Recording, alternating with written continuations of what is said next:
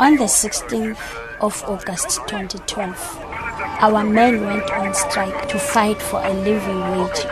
Thousands of Lonman's workers are living in appalling housing conditions. Lonman has promised to build 5,500 houses. It built three, and this was a, a legally binding obligation on them under their social labour plans.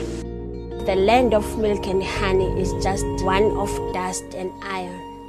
Die dokumentêr Strike a Rock vertel die verhaal van twee vroue van Marikana, Tumeka Magwangwana en Primrose Sonti.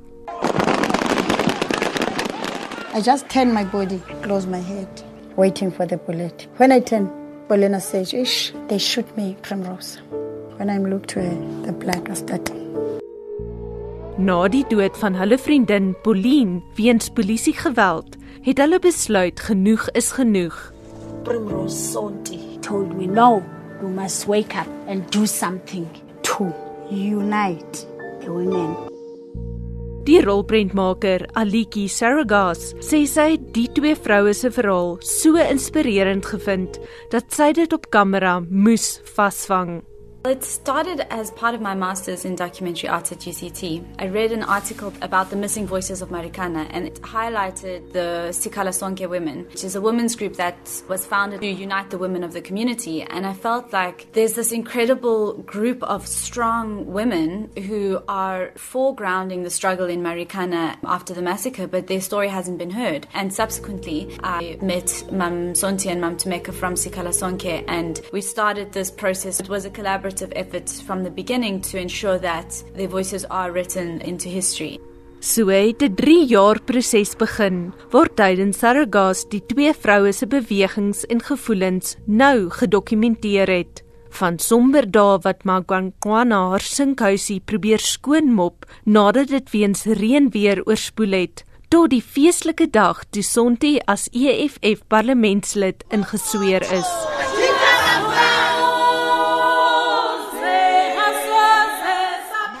Selfs toe die twee se vriendskap deur diep waters gegaan het, was Sarahgas en haar kamera daar. That I wanted the film to be very intimate, to tell the story from the inside out rather than from the outside in, which had been kind of how we'd heard about Marikana from experts. So, yeah, I mean, I spent many months in Marikana traveling in and out, sometimes staying, filming. I think we had over 12 terabytes of footage, raw footage at the end. You know, it was a lot, a lot of filming, a lot of time spent building relationships. En volgens haar het dit vrugte afgewerp. We're all quite overwhelmed at the reaction so far. People have been incredibly, incredibly supportive and positive, but people are also very angry at the injustice that they see in the film to the point that we were actually invited on a six day screening tour to the UK. We've just actually came back two days ago where War on Want, an NGO there, took us to the UK to do screenings and to have the solidarity workshops and over and above the festivals and some of the awards. What's very important to us is the impact campaign of the film where people can can take action. We've got partner organizations like Amnesty International and the Center of Applied Legal Studies to ensure that that process goes. Two Strike a Rock as beste dokumentêr by die Durban Internasionale Filmfees bekroon is, was van die Silverskerm feesorganiseerders in die gehoor. Kay Ann Williams sê hulle het dadelik besluit om die fliek na die Silverskermfees te nooi. Sy is ook vol lof vir Sarah Gass se regie ons het amper van ons stoele afgeval. Dit was so goed gedoen en dit was oor 'n paar jaar by die jong dame, sy is 24, 25 jaar oud, maar die level of maturity of she's such a good sensitive storyteller. Maar dit was nie net Sarah Gass wat by die silverskerm vertoning was nie. Die twee Marikana vroue kon ook hulle voete in die Kampsbaai waters nat maak voordat hulle met SAK nuus gepraat het. Mangwangwana sê as hy die see sien, dink sy aan koningin Elizabeth terwyl Sonti nie uitgepraat kan raak oor hulle Britse ervaring nie. Each and every time I'm looking at the sea, my mind was telling me of Britain. I don't know because even in Britain, I did not go to the sea because of the little time that mm. we get. But every time I thought of the Queen, maybe if the Queen can hear what is happening to the women here in South Africa, maybe he can say something so that the Lonmin's mind can change. So, what did the people in Britain say about the film? They were so very excited, big support. Even yeah. the Labour Party, they were so touched. Even they need more time for us to visit them again.